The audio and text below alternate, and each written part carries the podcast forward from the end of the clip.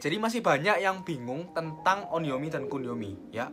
Apa sih onyomi dan kunyomi itu? Jadi cara baca kanji bahasa Jepang itu ada dua, onyomi dan kunyomi ya.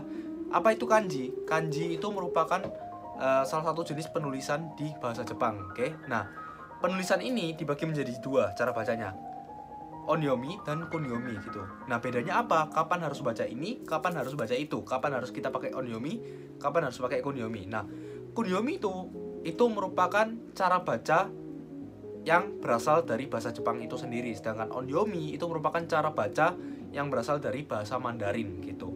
Nah kapan kita harus pakai ini kapan kita harus pakai itu? Nah kita bisa lihat seperti ini. Jadi misalnya kanji digabung dengan hiragana ya. Itu biasanya kita baca kunyominya. Sedangkan kanji eh, digabung dengan kanji lain itu bacanya onyominya gitu. Jadi ada dua cara baca. Tapi uh, saya tidak menyarankan untuk menghafalkan onyomi dan kunyomi karena sejauh ini sejauh ini seperti lima tahun lebih saya belajar bahasa Jepang ya. Saya bela belajar bahasa Jepang selama lima tahun lebih. Itu saya tidak pernah menghafalkan yang namanya onyomi kunyomi gitu. Saya sekedar tahu tapi saya tidak pernah menghafalkan. Lebih baik menghafalkan kosakatanya langsung gitu ya. Jadi kita hafalkan kosakata kosakata A cara bacanya apa? Kosakata B cara bacanya apa? Nanti lama kelamaan itu onyomi dan kuyominya akan hafal secara uh, secara natural gitu ya.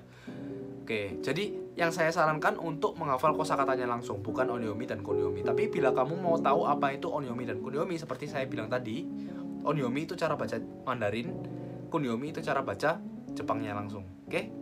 Semoga ini membantu dan jika kamu ngerasa ini membantu, silahkan share ke teman kamu dan jangan lupa untuk subscribe.